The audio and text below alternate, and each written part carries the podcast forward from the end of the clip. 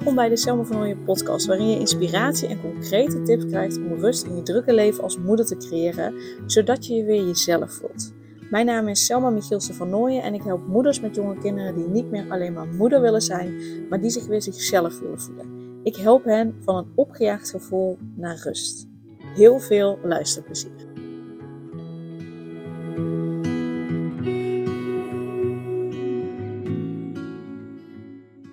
In deze podcastaflevering wil ik vier oorzaken met je delen van het opgejaagde gevoel. Want wat ik vaak in de praktijk, in mijn praktijk, bij mijn klanten tegenkom, is dat moeders zich heel vaak opgejaagd voelen.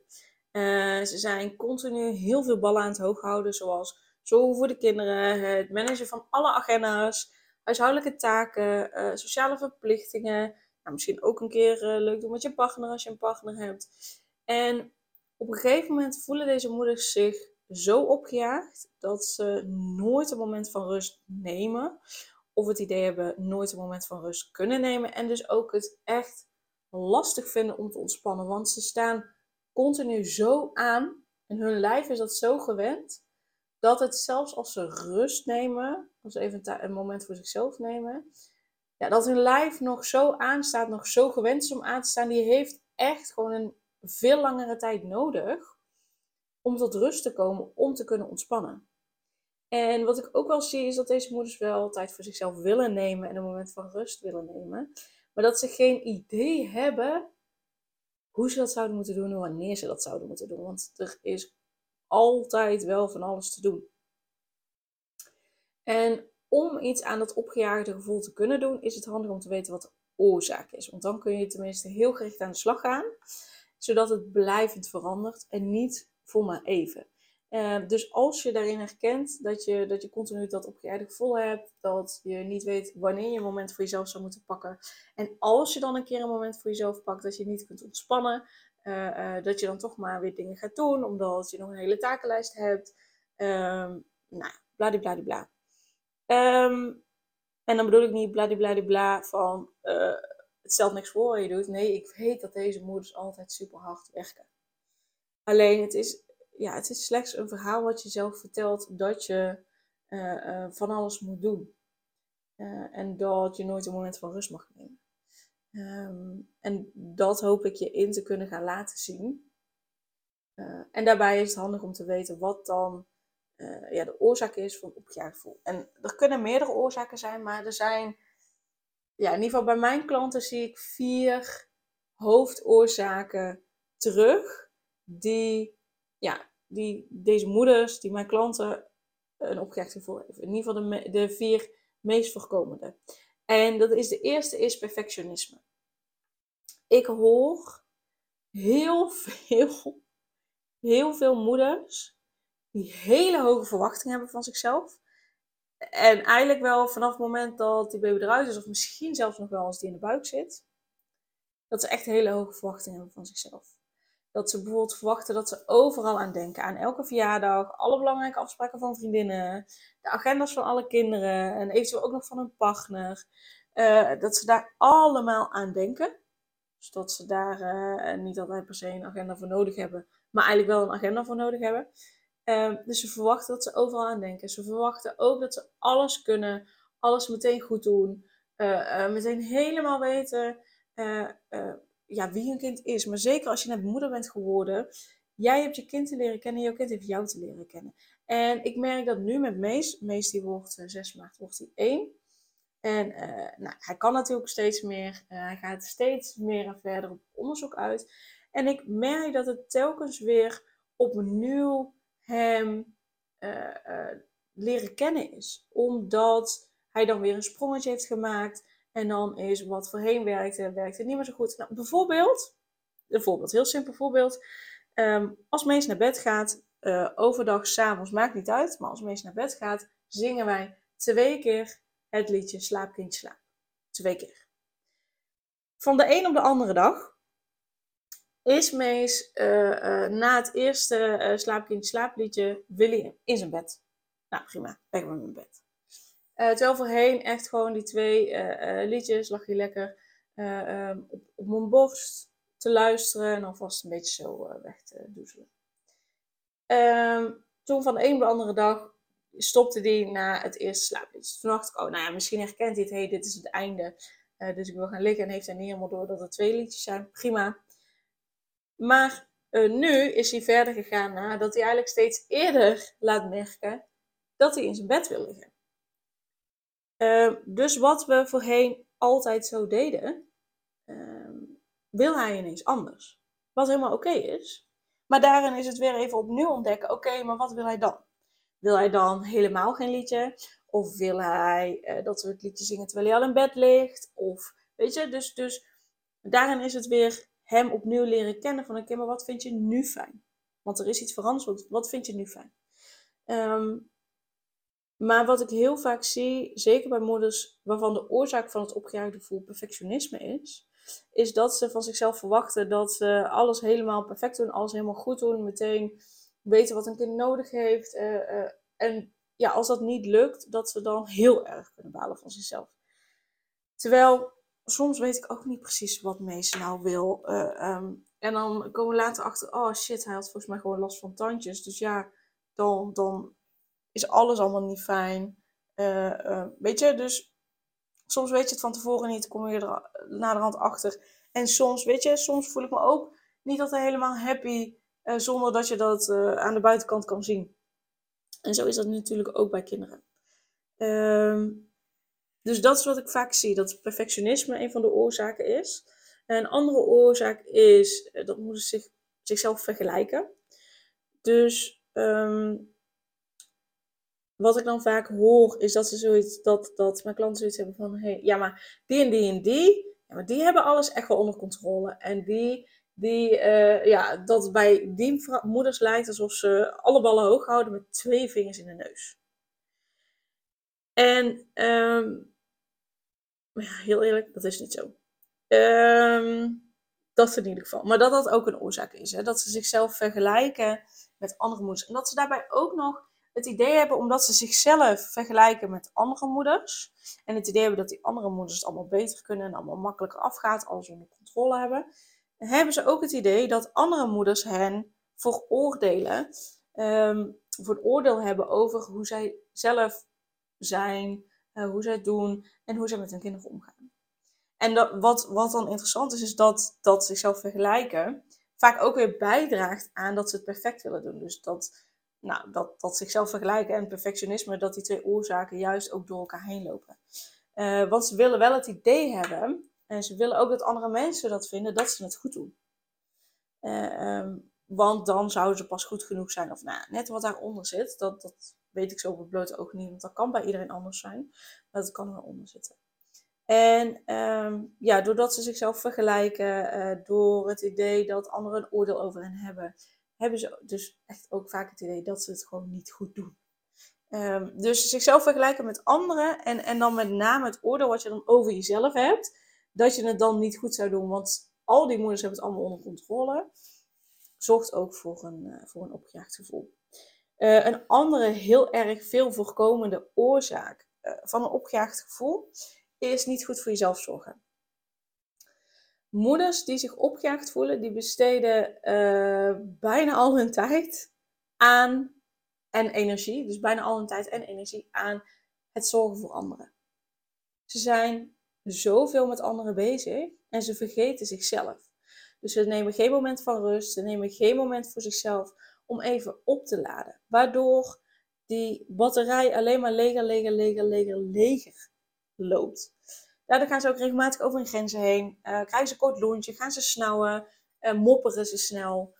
En dat willen ze niet, maar toch gebeurt het omdat ze niet de tijd nemen om op te laden. Op het moment dat jij oplaadt, dat je lekker in je vel zit, genoeg energie hebt, dan, dan, dan voelt het alsof je gewoon lekker de wereld aan kan. En dan kun je ook veel meer aan. Dan, dan ben je vrolijker dan uh, een kind, je kind wat niet meteen luistert of niet meteen doet wat je zegt. Daar heb je veel meer geduld voor. Uh, waardoor je niet uit je slof schiet, waardoor er strijd komt en het ongezellig wordt in huis. Nee, je hebt gewoon veel meer geduld. Waardoor je veel makkelijker met situaties, met onverwachte situaties omgaat, met uitdagingen omgaat, met kinderen die niet meteen luisteren omgaat. en dat kan alleen maar als je goed voor jezelf zorgt en dus op tijd oplaat. Dus dat is uh, de derde meest voorkomende oorzaak. En de vierde is alles zelf moeten doen en geen hulp vragen. Ik hoor heel vaak dat moeders het idee hebben dat ze het allemaal zelf moeten doen. Want ja, ze hebben er immers voor gekozen dat ze moeder zijn geworden. Dus zij moeten ook voor een kind zorgen. Maar dat is totaal niet, dat is totaal niet waar. Er is niet voor niets de uitspraak: It takes a village to raise a child. Uh, er zijn veel variaties ook hierop. It takes a village to support a mother of zoiets in die trant. Maar dat is echt waar. Dat, dat is geen foutje. Het is echt, echt waar. Um, ik heb daar ook een podcastaflevering over opgenomen. Uh, even kijken of ik die zo kan vinden. Over nou, dat het bij ons niet lekker ging. Daan had een longontsteking. Um, ja, Daan had een longontsteking. Dus ja, alles kwam eigenlijk op mij terecht. Maar dat gaat gewoon niet. Het gaat gewoon niet. Um, ik kon dat ook niet. Ik, ik kon het niet alleen. Want dat zou betekenen dat ik dan volledig alleen bij Mees kon zijn, niet kon werken. Maar goed, ik had ook klanten. Ik wil daar ook voor mijn klanten zijn. Ik had ook tijd voor mezelf nodig. Um, en wij zijn toen s'nachts naar de huisartsenpost gegaan. Dus ik had toen ook een nacht overgeslagen. Nou ja, Mees werd toen heel onrustig, ging toen heel onrustig slapen. Uh, uh, die dagen daarna was hij nog onrustig s'nachts. Dus ik kon ook niet helemaal bijslapen omdat ik er ook voor hem moest zijn. Nou, vervolgens, Daan sliep ook nog onrustig omdat hij gewoon ziek was. Uh, die heeft ook op de bank geslapen, omdat hij nou ja, hoopte dat hij dan beter kon slapen. En in de hoop dat ik dan ook beter kon slapen, zodat ik ook weer goed voor Mees kon zorgen.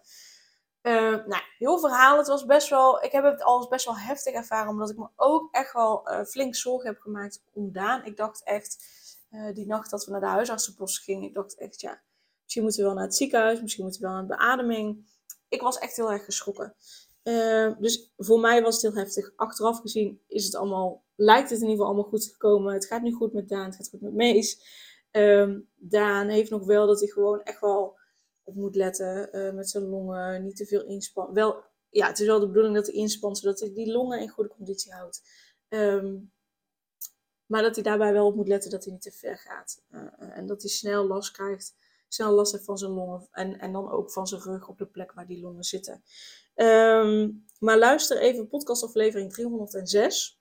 Want daar deel ik veel meer over. En daar deel ik ook dat persoonlijke verhaal uh, um, daarover. En dat gaat ook met name om het om hulp vragen. Want ik kon het die week niet alleen. Zeker omdat Mees s'nachts dus onrustig sliep. Ik er meerdere keren uit moest uh, ik daar dus in ieder geval niet mijn rust kon pakken, had ik dat nodig om dat op andere momenten te doen. Dus ik heb ook die week um, halve dagen gewerkt, uh, zodat ik ook in de middag kon slapen. mijn moeder heeft extra opgepast, mijn schoonvader is extra ook hier gekomen. Um, dus we hadden hulp nodig en we hebben ook hulp gekregen. Dit is ook nodig. Het is, en het is niet alleen nodig in, nou, voor mijn in mijn geval, voor mijn gevoel, zo'n heftige situatie als, als een longontsteking van je partner. Maar gewoon überhaupt. En helemaal als je niet goed voor jezelf zorgt. Helemaal als je het perfect, perfect wil doen. Helemaal als je jezelf aan het vergelijken bent met anderen. Ehm, dat andere moeders het zo goed lijken te kunnen doen. Ik garandeer jou dat dat betekent dat ze goed voor zichzelf zorgen zich niet met anderen vergelijken, het niet perfect willen doen, ook al lijkt dat misschien aan de buitenkant voor een ander wel. En dat ze een heel goed support system hebben en om hulp durven te vragen. Kan ik jou garanderen dat de moeders die het daadwerkelijk op orde hebben en daadwerkelijk al die ballen hoog kunnen houden, is omdat ze hulp vragen om die ballen hoog te kunnen houden. Dat is omdat ze goed voor zichzelf zorgen en daarin wat ballen laten vallen, zodat ze op een later moment die ballen weer op kunnen pakken. En dat is omdat ze weten dat ze niet al die ballen die ze hoog houden allemaal perfect hoog moeten houden. Nee, als ze in de lucht zijn, is het ook. En dat ze daarin zichzelf niet hoeven te vergelijken met anderen. Want anderen doen het anders, hebben andere ervaringen, zijn andere mensen. Ja, dat. En ook, hè, als je het dus lastig vindt om hulp te vragen, waarom zou je niet om hulp vragen? Waarom moet je alles zelf doen? En waarom mag je je kinderen bijvoorbeeld niet bij de oppas afzetten, of bij opa en oma afzetten, of om zijn tantes afzetten, of wie dan ook afzetten, om zelf rust te nemen? Zodat je er daarna weer volledig en met volle energie voor je kinderen kan zijn. Ik weet zeker dat je kinderen dat veel fijner vinden, veel belangrijker vinden. Dat je er, het momentje dat je er bent, dat je die met volledige aandacht er bent en volle energie er bent. Dan dat je echt altijd bent, maar eigenlijk niet echt aanwezig bent. Omdat je met je hoofd 180.000 andere dingen aan het doen bent. En het zijn allemaal verhalen die je zelf vertelt die niet waar zijn. Hè? Dat je, dat je uh, geen oppas mag regelen om zelf rust te nemen. Dat je uh, niet om hulp mag vragen, dat je het allemaal alleen moet doen. Het zijn allemaal verhalen die je zo vertelt en ze zijn niet waar. Echt niet waar. Oprecht. Um, dus dit zijn de vier meest voorkomende oorzaken van het opgejaagde gevoel uh, van moeders. En die, die, die oorzaken hebben allemaal een, een basis, een kern waardoor ze zijn ontstaan. En als je die kern aanpakt, dan haal je zo alle vier deze oorzaken weg. Zeker als je ze alle vier herkent. Um, en die kern is, die kern van die gevoelens, die kern van die oorzaken, is de ik ben niet goed genoeg blokkade. En die is ontstaan in je jeugd en vaak ook overgenomen vanuit familiepatronen. En voorbeelden van familiepatronen zijn uh, bijvoorbeeld, hè, die die blokkade versterken zijn, over gevoelens praten vermijden, te veel hooi op je vork nemen, alleen maar zorgen voor anderen, alles perfect moeten doen, jezelf wegcijferen, anderen pleasen. Uh, dat je hard moet werken, omdat het anders niet goed of niet goed genoeg is. Dus als je van dat opgejaagde gevoel af wil, dan heb je daarmee aan de slag te gaan. En waarschijnlijk denk je nu, ja, maar hoe dan? En is dat niet heel veel werk? Nee, want zoals ik het aanpak in mijn online programma Straalend Jezelf, is het helemaal niet veel werk. Het programma zorgt ervoor dat je tijd en energie overhoudt. Omdat je allemaal niet meer hoeft te bewijzen dat je het wel goed doet en dat je wel goed genoeg bent. En ik kan me voorstellen dat je denkt van, ja, uh, daar kan ik me echt helemaal niks meer voorstellen. En ik wil geen ballen laten vallen, want dan stort alles hier als een kaarthuis in elkaar. En uh, als ik het niet doe, dan doet niemand het. En nou al dat soort belemmerende gedachten. Uh, dus laten we gewoon eens met de eerste stap beginnen. Namelijk zorgen voor meer rust en meer ontspanning. En ook dat kan heel simpel zijn. Namelijk door je aan te melden voor de online reiki-sessies die ik elke maand geef. Want daardoor ga je ja, van onrust en chaos in je hoofd naar ontspanning en rust. Dus ik zal een link in de show notes zetten om je aan te melden voor de online reiki-sessies. En door de online reiki-sessies, door de reiki die ik geef, ga je uh, uh, echt in die diepe ontspanning. Ik hoor zo vaak dat mensen uh, um, het gevoel hebben na een sessie alsof ze vijf uur hebben geslapen. Terwijl een sessie, dus de totale reiki-sessie duurt een uur, waarvan ik je 20 tot 30 minuten rijkje geef. En we starten met 10 minuten ongeveer uh, uh, meditatie en dan 20 tot 30 minuten, nou meestal 30 minuten, uh, je rijkje te geven. That's it. En dan heb je dus het gevoel dat je vijf uur hebt geslapen. Dat je dus met andere woorden dat je zoveel energie hebt gekregen. Dus je krijgt er energie van. Uh, wat ik ook heel vaak terughoor, is dat uh, mensen er productiever van worden. Dat ze dus ook nog de takenlijst die ze hebben efficiënter en sneller afwerken. dus dat ze daardoor ook weer tijd overhouden. Um, die je ook weer aan een moment van rust voor jezelf bijvoorbeeld kan besteden. dus vooral rust en ontspanning levert je dat op. dus ik raad je aan om deel te nemen. Heb je nog nooit eerder deelgenomen, dus is het je allereerste keer? Uh, dan kun je je aanmelden voor een gratis proefles. En uh, klik dan ook even in de show notes uh, op de link. En dan kun je zien hoe je daarvoor aan kunt melden. Maar in principe is het gewoon een mail sturen naar info.selmavanooien.nl. Op de website staan de actuele data eh, van de online rijkje sessies. En dan kun je er eentje uitkiezen en kun je je daarvoor aanmelden. Uh, het is via een besloten Instagram account. Uh, dus het is wel handig dat je Instagram hebt. Maar die heb je zo aangemaakt. Eh, dus dat scheelt. En laten we daar beginnen. Laten we beginnen bij het creëren van ontspanning en rust. En dan is de volgende stap het doorbreken van de familiepatronen, het doorbreken van de ik ben niet goed genoeg blokkade. Om echt blijvend die ontspanning en rust in je dagelijks leven te gaan voelen. Yes? Ik zie je heel graag bij de online sessies. Doei doei! Superleuk dat je weer luisterde naar een aflevering van de Selma van Ooyen podcast. Dank je wel daarvoor. En ik deel in deze intro nog een aantal belangrijke punten. Als eerste is het mijn missie om ervoor te zorgen dat moeders zich weer zichzelf voelen en ze rust en liefde voor zichzelf voelen, zodat hun kinderen zo lang mogelijk kind kunnen zijn. Daarom maak ik deze podcast voor jou en voor je kind of voor je kinderen. Dus gun het jezelf dat je weer jezelf voelt en dat je voluit geniet van het leven, zodat je je kinderen een vrije en gelukkige jeugd kunt geven en ze zo lang mogelijk speels, vrij, onbevangen en onbezonnen kind kunnen zijn. Dus vraag daarom nu mijn gratis e-book aan 8 tips voor moeders met jonge kinderen om meer rust in je leven te creëren. Of meld je aan voor mijn gratis online training De Cruciale Stap om blijvend rust in je leven te creëren als moeder met jonge kinderen. Ten tweede, wil je alle podcastafleveringen overzichtelijk onder elkaar en wil je als eerste op de hoogte gebracht worden als er een nieuwe podcastaflevering online staat? Abonneer je dan op de podcast door op de knop volgen, subscribe of abonneer te drukken en klik op het belletje. En ten derde, ondersteun je mijn missie en wil je ook weer jezelf voelen, zodat je kinderen zo lang mogelijk kind kunnen zijn? Laat dan een review achter in de podcast-app via waar je deze afleveringen luistert. Want hoe meer reviews, hoe beter de podcast vindbaar is en dus hoe meer moeders en kinderen ik kan helpen.